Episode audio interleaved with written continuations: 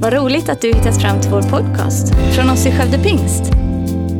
Vår bön är att den ska hjälpa dig förstå mer om vem Gud är, bygga din relation med honom och ge praktiska verktyg för ditt liv. Hörni, vi ska idag få inleda det här temat då, lika olika. Tre söndagar om jämlikhet. Och eh, vi gör det utifrån Gudsordet. Det här är ju liksom modeord. Jämlikhet, jämställdhet, rättvisa. Det är någonting som är väldigt liksom aktuellt runt om i vårt samhälle idag. Men eh, jag tänker att i alla sådana här frågor så är våran utgångspunkt Bibeln. Guds ord. Hur ska vi bemöta de här frågorna som samhället just nu ställer eh, och som vi möter? Eh, och vad det nu än är så är ju det här våran grund. Och hela grunden för en kristen etik som bygger på alla människors lika värde, det hittar vi redan i Bibelns första kapitel. Vi ska läsa det. Första Mosebok kapitel 1 och vers 26 och 27. Välkända versar men som är så otroligt viktiga och fulla utav kraft faktiskt. Det står så här i första Mosebok 1.26. Gud sa, Låt oss göra människor till vår avbild lika oss. De ska råda över havets fiskar, himlens fåglar, över boskapsdjuren, hela jorden och alla kräldjur som rör sig på jorden. Och Gud skapade människan till sin avbild. Till Guds avbild skapade han henne. Till man och kvinna skapade han dem. Gud skapade människan till sin avbild. Det här är som sagt grunden för den kristna etiken. Oavsett i vilket hörn en människa föds över hela vår planet så är det en människa som har samma värde som alla jordens övriga människor. Därför att de är skapade till Guds avbild. Det finns ett frö utav Guds likhet. Och därför när det kommer till de här frågorna så kan vi liksom stå rakryggade som kristna. Att vi vet varifrån värderingen om människors lika värde kommer. Den kommer ifrån själva skapelsen, har Gud planterat det. Eh, det här är en sanning som faktiskt är värd att dö för. Att stå upp för människors lika värde, att stå emot och, och vara liksom eh, där orättvisor träder fram. Och det är någonting vi som kyrka vill vara en röst för och en sån sak, ett uttryck för det var i Walk for Freedom vi gjorde bara för några veckor sedan. Att ge en röst till de som inte har någon röst. Eh, samtidigt så är detta något som nästan används som ett slagträ i våran tid. Där man viftar med det här människors lika värde för att rättfärdiggöra alla möjliga saker egentligen. Och vi ska inte gå in på det nu, det här är inte en motpredikan. Men ibland så får man ställa sig frågan, vad menar du egentligen när du då utifrån den här frågan du nu lyfter vad menar du med människors lika värde? Vilken grund har du för det? Jag menar att det är ganska svårt att på liksom en ateistisk eh, grund där man har tagit till sig Darwins evolutionsteori så är det ganska svårt utifrån den liksom livsåskådningen att motivera människors lika värde. När vi talar om naturligt urval, när vi talar om survival of the fittest, alltså den starkaste överlever. Hur får man ihop det med att alla människor skulle vara lika mycket värda? Faktum är, utan att gå in för mycket på det, att när det fick ett genomslag på allvar, eh, liksom mer ateistiska, sekulära livsåskådningar, så bäddade det för vårt hittills blodigaste århundrade, 1900-talet. Där ju kommunism och, och, nazism och annat liksom eh, bidrog till några av vår tid, eller historiens absolut blodigaste krig. Jag är fullt medveten om att många krig har utförts i Guds namn eh, också naturligtvis. Men det säger ändå någonting. Eh, men det, sen är det ju väldigt positivt att stora delar av världen reser sig upp för att gemensamt bekämpa fattigdom, orättvisor, rasism. Det är ju någonting väldigt, väldigt positivt. Eh, och vi då som kristna, vi som kyrka, eh, tror jag ska vara en del av det. Men återigen utifrån skriften. Inte utifrån vilka frågor som just nu trendar, som just nu liksom blåser som det är PK, där åsiktskorridoren just nu placerar oss att nu ska alla tycka så här, nu ska alla liksom göra så här. För om vi hela tiden låter liksom samtiden sätta kyrkans agenda, då kommer vi få ganska jobbigt för om två år så kommer det vara något annat som är sant för samtiden. Och ska vi då som kyrka liksom hela tiden svansa efter? Jag tror inte det. Jag tror att vi ska stå rakryggade både när det är PK och inte PK så ska vi stå för de moraliska sanningar som finns nedlagda i skriften. Efesierbrevet 1 och 20, The Message som är en parafras till Bibeln, så säger den översättningen så här eh, från Efesierbrevet 1 att the church you see is not peripheral to the world. The world is peripheral to the church. The church is Christ's body in which he speaks and acts, by which he fills everything with his presence. Ungefär att kyrkan är inte perifer till världen. Vi är inte tänkta att bara svansa efter vad världen just nu säger och tycker och tänker. Utan kyrkan är i centrum. Världen är perifer till kyrkan och väldigt många av de liksom sociala rättvisorna, utbildningssystem, läke, sjukvård och liksom, eh, demokrati, det har drivits av kyrkan genom eh, världshistorien, studerar framförallt i, i västvärlden. Eh, och jag säger inte att vi ska vara döva för vår samtid, det är inte det jag säger. Men vi ska inte endast reagera på det som just nu var en het fråga, liksom det som just nu är det som delas mest på, på Facebook och Instagram. För då, då, får, vi det, då får vi det jobbigt, liksom. då kommer vi vara överallt och ingenstans. Utan vi kan vara med och sätta agendan utifrån Bibelns eviga sanningar. Eh, jag ska läsa för er lite ord som används för att beskriva, eller har använts för att beskriva en viss grupp människor. Så här. Barnsliga, enfaldiga, irrationella, simpla, onda, förhatliga, samhällsfientliga, överdrivna. Det här var omvärldens omdöme av kristna de första århundradena. När den här sekten kristna växte fram i romarriket efter att Jesus har dött och uppstått så var det med de här orden som romarriket eh, först beskrev de kristna. Ehm, och som sagt, de blev eh, utmålade, och, eller jag ska säga så här, trots då att de kristna blev utmålade, diskriminerade och rent av förföljda av sin samtid så blomstrade ändå kyrkan. Och bara några hundra år senare så har världens största rike liksom blivit omkullvält och tar till sig kristendomen som sin nya statsreligion. Eh, nu fick det tyvärr inte bara positiva konsekvenser, men det säger någonting om sprängkraften i evangeliet, i Guds eviga sanningar. De förkastade de klassiska romerska gudarna och all avgudadyrkan. De erbjöd en ny identitet, en ny religiös identitet som inte byggde på etnicitet och som dessutom var kulturöverskridande. Som kunde vara både för en slav och för en fri och för en romare, för en jude, för en grek. Det här var helt revolutionerande, revolutionerande i den här tiden. De stack ut genom att de läste skrifterna att det var det som var grunden. De läste skrifterna och de höll sig till det de läste. Det här var, alltså, de, de såg, vad är det här för konstiga människor egentligen? Ehm, och de omfamnade att kristen tro också innebar förändrade vanor, värderingar, livsstil.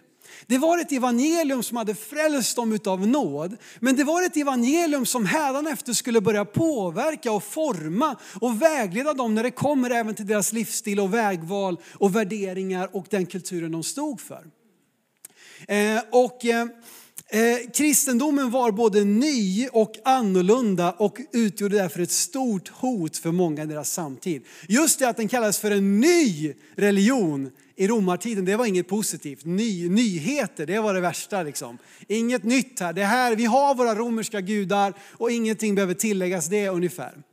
Eh, så här så kom man in och var fullständigt revolutionerande. Och en man som heter eh, Larry Hurtado, som var professor i Nya Testamentet och en otroligt respekterad eh, lärd teolog. Han är, han är död nu men dog för några år sedan. Han har skrivit en bok som heter Destroyer of the Gods. Eh, som handlar just om de kristna i de första århundradena i eh, romarriket destroyer of the gods. Att det livet som de levde, det var någonting som till slut faktiskt tog knäcken av eh, liksom de romerska avgudarna som var liksom de man tillbad. Och han beskriver redan i den första kyrkan i romar, romartiden, romarriket, där de första århundradena, så fanns det fem distinkta moraliska grundpelare som gjorde att man stack ut i sin samtid. Fem moraliska grundpelare och grundläggande värderingar som har burits vidare i kyrkan genom alla tider. Fem moraliska grund, grundpelare. Jag ska berätta för dem nu då vad Larry Hurtado har kommit fram till i sina efterforskningar eh, och i sin bok. Då. För det första, alla människors lika värde. Det var det första man stack ut med. En stark känsla för det vi skulle beskriva som mångfald, rättvisa, inkludering. En kulturöverskridande religion som inte byggde på etnicitet, vilket jag redan har sagt, det var helt banbrytande. Det andra var att man skulle hjälpa de fattiga och svaga. Det var den andra moraliska grund, grundpelaren. Den tredje var att sex hör hemma i äktenskapet mellan en man och en kvinna tills döden skiljer dem åt. Det var också helt liksom häpnadsväckande i romartiden. Vi tycker att, att, att liksom kristen sexualetik sticker ut i vår tid. Det var precis likadant då. Eh, det fjärde var att försvara det nyfödda eller ofödda barnet och bekämpa faktiskt abort. På den här tiden skedde det ofta Genom att man, alltså abort på den här tiden skedde ofta genom att man helt enkelt satte ut barnet på gatan eller vid en soptipp när det var nyfött för att man inte kunde ta hand om det. Och det finns starka berättelser om hur kristna i den här tiden var ute och letade efter de här barnen. Eh, att hitta ett barn som hade blivit lämnat utav, sin, utav sina föräldrar eh, och, och då helt enkelt ta dem till sig och, och, och, och eh, liksom uppfostra dem som sina egna. Det var någonting som var kännetecknande för de första kristna.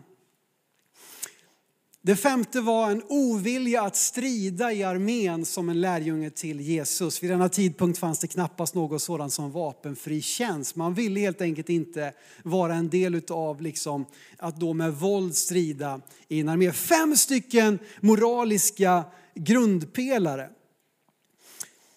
Och jag tror att det är fullt rimligt att beskriva detta som fem grundläggande moraliska värderingar utifrån en biblisk grund som Jesu efterföljare. Det som är väldigt intressant är att de två första, de känns ju väldigt liberala. Någon skulle politiskt vilja placera dem som politisk vänster. Liksom. Det här är vänsterns hjärtefrågor. De två efterföljande känns väldigt konservativa. Och någon skulle vilja beskriva det som mer höger politiskt. Och den femte kanske vi knappt får in någonstans på den, på den politiska skalan.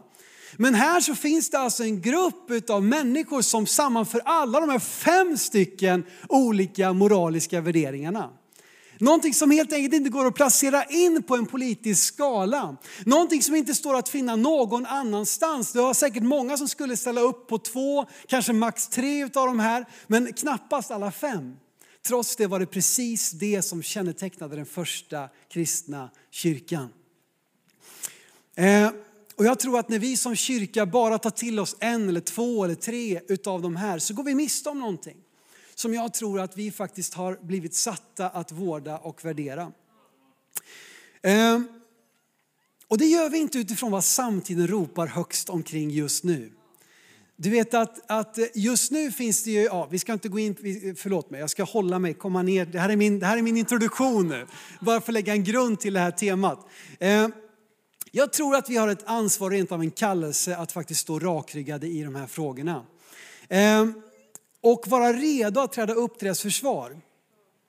Jag tror inte att vi ska göra det till vårt huvudbudskap, att det är den här typen av predikningar man möter liksom 50 av 52 söndagar. Därför att det är evangeliet om Jesus, om hans frälsande och förvandlande nåd. Att han har gett sitt liv för alla människor, vare sig du är vit eller har någon, liksom, vilken hudfärg du än har, vilken ålder du än har, vart du än är född, vad du har för bakgrund, så har Jesus gett sitt liv för dig. Det är vårt huvudbudskap. Och i mötet med Jesu förvandlande nåd och i uppfyllelse av den helige ande så är det min tro tro att det är det här som Gud kommer börja liksom, eh, impregnera oss med. Den här typen av värderingar när vi tillåter den helige ande att forma oss. När vi tillåter faktiskt Gud och Guds ord att prägla inte bara liksom att jag har en, en kom ut ur helvetet biljett utan att han får prägla hela mitt liv. Så tror jag att det är de här, liksom, bland annat de här just moraliska grundpelarna som kommer träda fram ut ur en sådan relation eh, med den helige ande.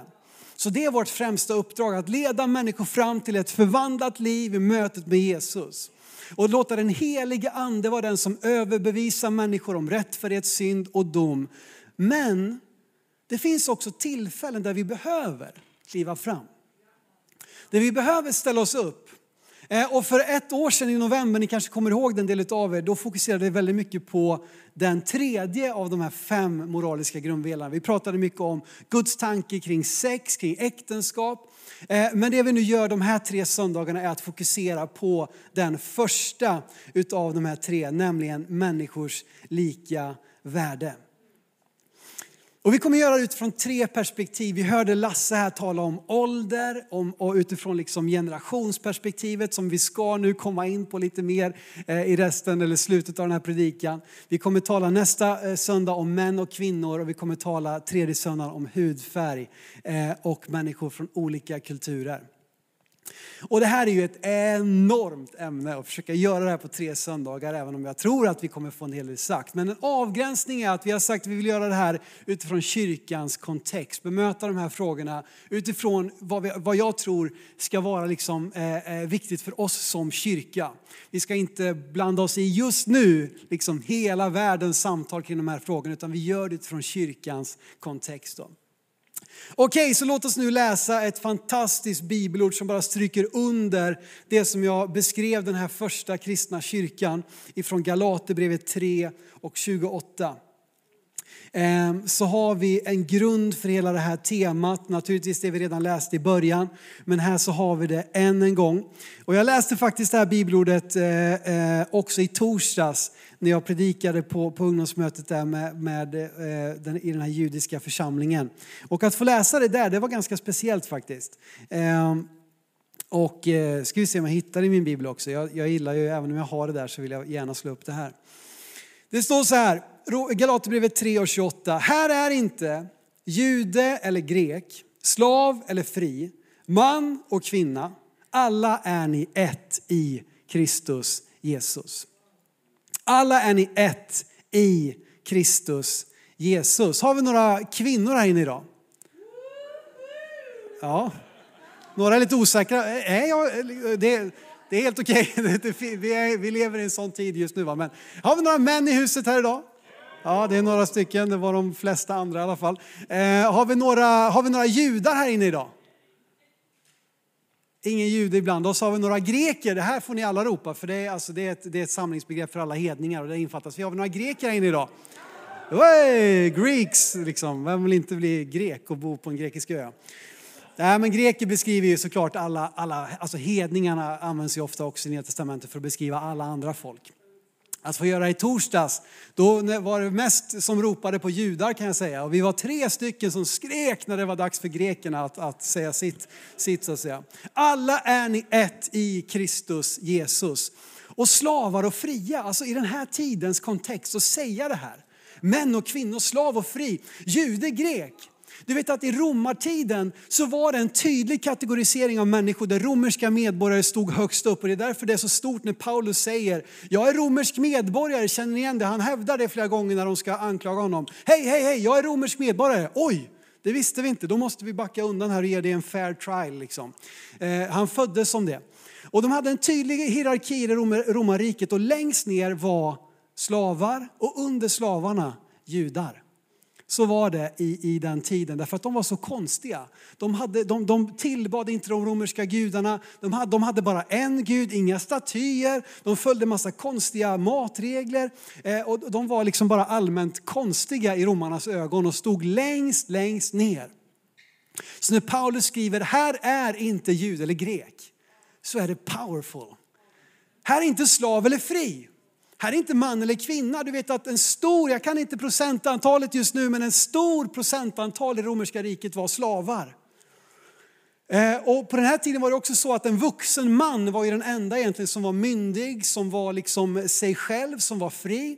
Både kvinnor, barn och slavar sågs mest som ägodelar eh, som mannen då eh, styrde och ledde så att säga och, och, och ansvarade för. Så att det här är ju sprängstoff i sin samtid. Här är inte jud eller grek, här är inte slav eller fri, här är inte man eller kvinna. Alla är ni ett i Kristus Jesus. Eh, alla är ni ett i Kristus. Och det här är ju återigen då utifrån liksom en, en, en, kristen tro. Vi ser det i skapelsen, när Gud skapar oss. Varje människa är skapad till hans avbild. Och vi ser det i försoningen, att vi blir gjorda till ett i Kristus. Jag lärde mig på hebreiska så är det Bameshiach. Bameshiach, i Kristus. Snyggt va? Eh, du vet att Messias är ju Kristus på hebreiska. Kristus är Messias på grekiska. Ba Meshiach.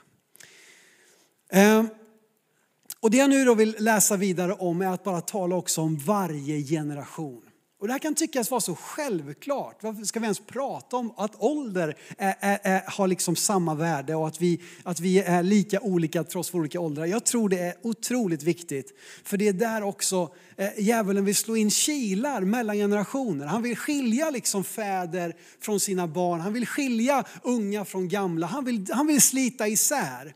Där, där djävulen kan splittra, där vill han splittra. Och jag tror att en stor kamp som är just nu i vår tid, i västvärlden, i Sverige, är att djävulen försöker att splittra unga från gamla. Så att det inte blir så som Lasse beskrev det, att de gamla får uppleva välsignelsen av att ha, ha en nära relation med de ungas liksom inspiration och glädje och tro. Och de unga inte får del av de gamlas erfarenheter som kan vara en sån styrka att möta trots att mina eh, liksom, hormoner de de, de, de, är på väg åt alla olika riktningar. Liksom. Och nu har han gjort slut med mig och nu, så, nu gjorde jag bort mig här. Och jag liksom, eh, vad det nu än är för någonting. Så kan man få prata med någon äldre och säga, vet du vad? I'm still standing. Jag är kvar i kyrkan. Jag ber fortfarande. Jag läser Guds ord. Jag är med och ger tionde. Vet du vad? Om jag har gjort det genom hela mitt liv så kan du göra det genom hela ditt liv. Du vet att vi behöver varandra och det var Guds tanke. Låt oss läsa Joel kapitel 2, 28, profetian som går i uppfyllelse på pingstdagen eh, x antal hundra år senare. Joel kapitel 2, vers 28. En sån underbar eh, profetia. Det ska ske därefter att jag utgjuter min ande över allt kött. Era söner och era döttrar ska profetera, era gamla ska ha drömmar och era unga ska se syner. Ja, över tjänare och tjänarinnor ska jag i de dagarna utgjuta min ande. Anden ska falla över varje generation över allt kött. Och när det talas om kött så är det talas det om oss människor. Över alla människor ska anden falla. Era gamla ska ha drömmar. Och det är inte bara drömmar om fornstora dagar. Det är drömmar om framtiden. Det är drömmar om vad Gud ska göra i din tid och i de åren som är kvar tills dess att Gud kallar dig hem. Och att det som du drömmer om kanske inte går uppfyllelse i dina dagar. Men då får du vara likt Mose som dog när han såg, han skådade löfteslandet. Och Gud sa till honom, du ska inte gå in i löfteslandet men du ska lyfta armarna på han som ska göra det, på Jesua. Så hjälp honom, styrk hans händer och sätt upp honom, lär honom så att han kan få göra det som du har drömt om och bett om och kämpat och slitits för i 40 års ökenvandring. Era gamla ska ha drömmar.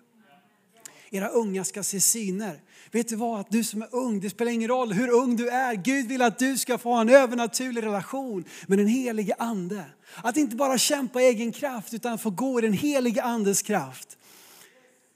Där Guds ande utgjuts över alla åldrar, över män och kvinnor, tjänare, tjänarinnor. Ung som gammal. Vi ska läsa också från första Timoteusbrevet kapitel 4. Första Tim 4, vers 12 till 14.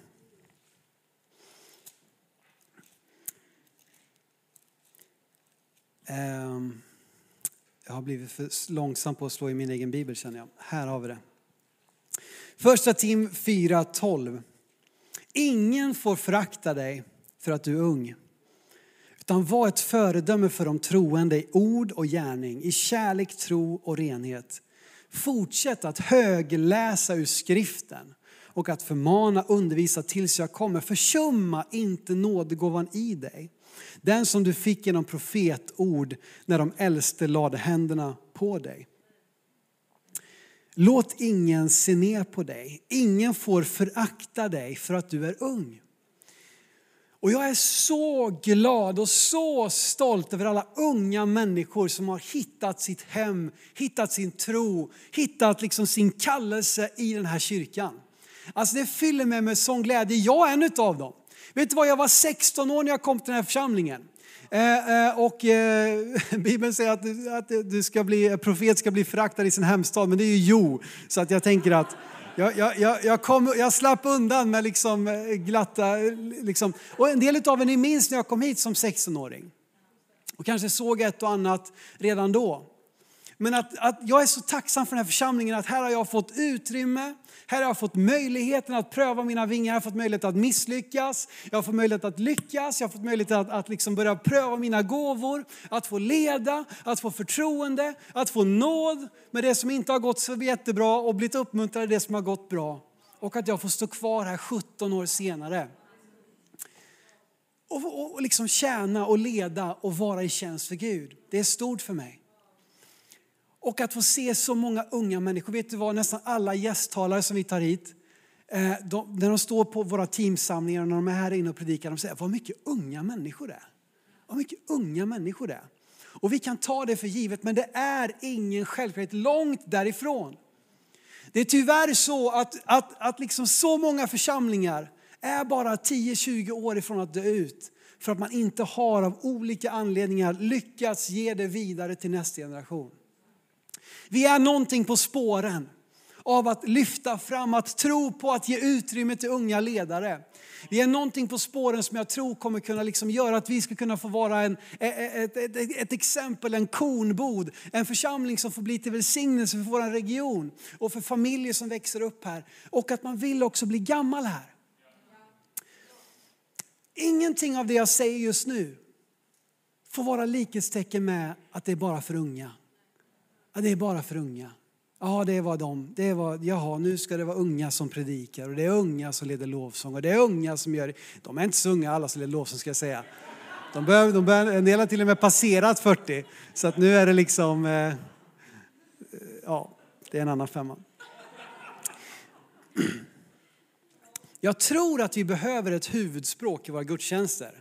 Det är ju svenska naturligtvis. Liksom. Sen så vill vi tolka, göra det tillgängligt för, för människor som inte förstår det svenska. Men jag tror också när det kommer till kultur och uttryck så behöver vi ett huvudspråk i, i vår kyrka, för hur vi, liksom vår gudstjänst, huvudgudstjänster och så. Men vi kan tolka till hur många olika språk som helst. Och där vi också kan skapa utrymme för alla generationer att vara med på det som sker. Men det är också så långt mycket mer än bara en söndagsgudstjänst. Det är bara ett par timmar utav varje vecka. Det är så mycket som sker utöver detta. Och jag vill säga till dig att ingen får förakta dig för att du är gammal. Därför att vi lever i en tid som, som nästan tillber ungdomen. Är man liksom, alla ska ha någon som, en ny pastor, han ska vara max 35 och ha 20 års erfarenhet och, och kanske småbarn så att det är liksom lite familj som, som, som fyller ut liksom i söndagsskolan. Och, och det ska vara det här liksom. Partiledare. Alltså jag, jag, jag, tar, jag predikar ju mot mig själv nu. Eh, eh, men, men jag tycker det är någonting som är lite snett om det innebär att vi, jag tror på unga ledare som får stort utrymme. Jag tror att när man är mellan 20 och 30 då måste man verkligen få testa sina vingar, få liksom plats och utrymme. När man är 30 så behöver man få ta någonting ordentligt, en tugga om det. Eh, och att, eh, och att liksom, vi ska släppa fram unga ledare, det är inte det jag säger. Men ingen får förakta dig för att du är gammal. Du har så mycket att ge. Du vet att det var ju de unga som skulle se syner och de gamla skulle ha drömmar. Vilken underbar gemenskap. Och du vet att se gamla, äldre människor, alltså får man säga gamla? Eller det, det får man va? Eh, ni fattar vad jag menar. Du vet att möta gamla människor som kommer och säger, vet du vad jag ber för dig? Jag ber för dig varje dag. Som kommer och säger att jag kan vara med här när, liksom det, är, när det är baby connect här nere för, för, för liksom nyblivna föräldrar som träffas varannan vecka. Jag kan vara där och fixa lite kaffe och leka lite med barnen. När det kommer äldre som säger att jag vill vara med och möjliggöra här för gengåvan och vara med och tjäna på gengåvan och se till att vi kan ha där. Jag vill vara med liksom och, och, och bjuda in yngre generationer i min connect-grupp. Du vet att det är stort. Och det bygger någonting som blir sunt, som blir hälsosamt, som kan vara och som kan hålla i längden. Och i Titus kapitel 2, det andra pastoralbrevet som, som Paulus skriver till Titus som ju är på Kreta. Timoteus han var på i Efesos, Titus är i Kreta. I Titus 2.15 så, så säger han faktiskt just det här. Han säger så ska du tala, förmana, tillrättavisa med allt eftertryck. Låt ingen se ner på dig. Här är det inte frågan om unga längre utan låt ingen se ner på dig helt enkelt. Jag vill säga det till dig, låt ingen se ner på dig. Var du än är i din livsvandring, precis som Lasse säger, uttrycket för din kallelse, den bör förändras. Jag skulle säga att det är osunt att stå och hamra på samma spik i hela livet. Alltså, missförstå mig rätt nu, men det, det, är osunt att vara kvar, liksom klamra sig fast. Om man en gång har fått en typ av position eller inflytande så ska man klamra sig fast vid det liksom, tills döden skiljer oss åt. När det är bara frun eller mannen du ska, och, och Gud, du ska hålla dig tills döden skiljer, till, skiljer oss åt. Det är sunt att hitta in i en, i en ny uppgift för en ny tid. Där du kan få, få växla om, där du kan få vara med och lyfta händerna.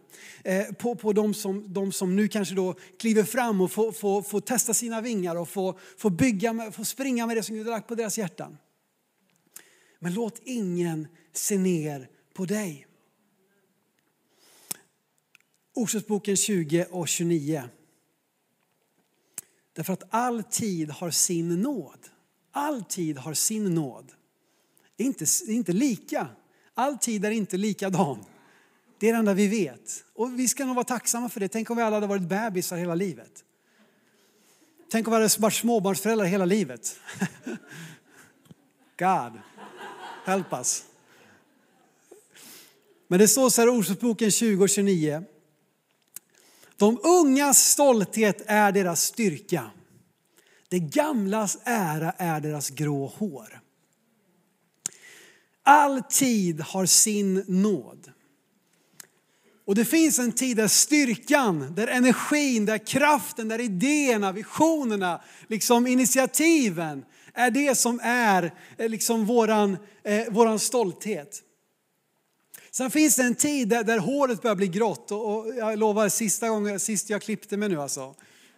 Skulle vi gå och sortera de håren där alltså, då är det, det, är, det är ganska mycket gråa hår alltså. Jag, jag, jag känner mig gammal också. Nej det gör jag inte. Jag känner mig ung. Jag var precis lika gammal som Jesus var när han dog. Men eh, också när han uppstod. Amen.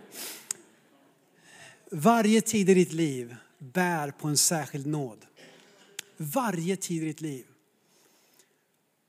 Och som äldre då ska du inte förakta ditt grå hår. Du kanske tänker att ja, men jag var starkare förr. Ja, det var du förmodligen. Men det innebär inte att den tiden du är inne i nu är mindre viktig, mindre signifikant. Utan där du är just nu så finns det en nåd över ditt liv. Det finns en nåd för din kallelse, för dig att träda in i.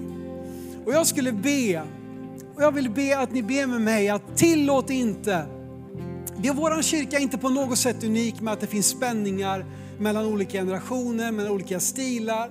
Inte på något sätt unik. Det är snarare, liksom, det är så väldigt, väldigt många platser. Men till, låt oss inte tillåta djävulen att splittra fäderna från barnen. Utan låt oss få se precis det som Malaki slutar med, den sista profetboken i Gamla Testamentet slutar med att han ska vända fädernas hjärtan till barnen och barnens hjärtan till fäderna. Men det är också någonting med att det börjar faktiskt med fäderna som vänder sina hjärtan till barnen. Det är alltid så att den vuxna är den som har ansvar. Jag som, jag som vuxen måste vara först med att be mina barn om förlåtelse. Som förälder måste jag vara den som lyfter dem upp och bär dem. Tack för att du lyssnat. Dela gärna podden med dina vänner och glöm inte att prenumerera så du inte missar nästa predikan. Om du har några frågor eller vill att vi ska be eller tacka för något tillsammans med dig så får du gärna höra av dig till kyrkan skövdepingst.se. För oss är veckans höjdpunkt söndagens gudstjänst och det vore så kul att träffa dig där. Våra team finns då redo att ta emot dig och det finns även egna samlingar för barnen. Du hittar mer information om oss, vilka vi är och våra olika mötesplatser på skövdepingst.se. Gud välsigne dig och ha en fortsatt bra vecka.